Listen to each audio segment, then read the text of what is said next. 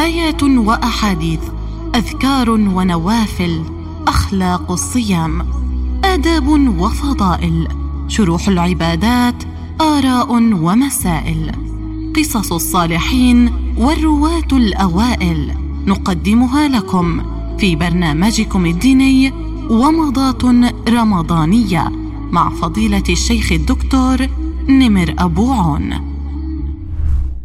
الحامل والمرضع إن خافتا على النفس أو الولد تفطران امرأة تسأل هل يجوز للحامل أو المرضع الإفطار في رمضان؟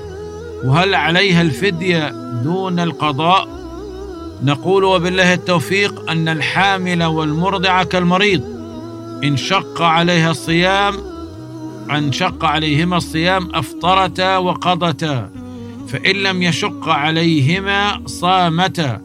وهذا القول هو الذي جاء فيه الحديث عن أنس بن مالك رضي الله عنه أن رسول الله صلى الله عليه وسلم قال إن الله عز وجل وضع عن المسافر شطر الصلاة أي نصف الصلاة وعن المسافر والحامل والمرضع الصوم أو الصيام.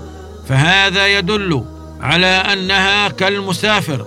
فالمسافر في الصوم يفطر ويقضي فالحبلى والمرضع الصواب فيهما أنهما كالمسافر والمريض تفطران وتقضيان وليس عليهما فدية فهذا هو الصواب وهو الأرجح لأنهما شبيهتان للمريض قد يشق قد يشق عليهما الصوم من أجل الرضاع أو من أجل الحبل.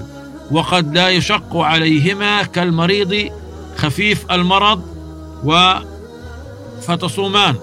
وهذا الحديث مطلق في كل حامل ولكن قيده العلماء بحصول المشقة عملا بالعلة التي من أجلها شرع الحكم وهو إفطار الحامل.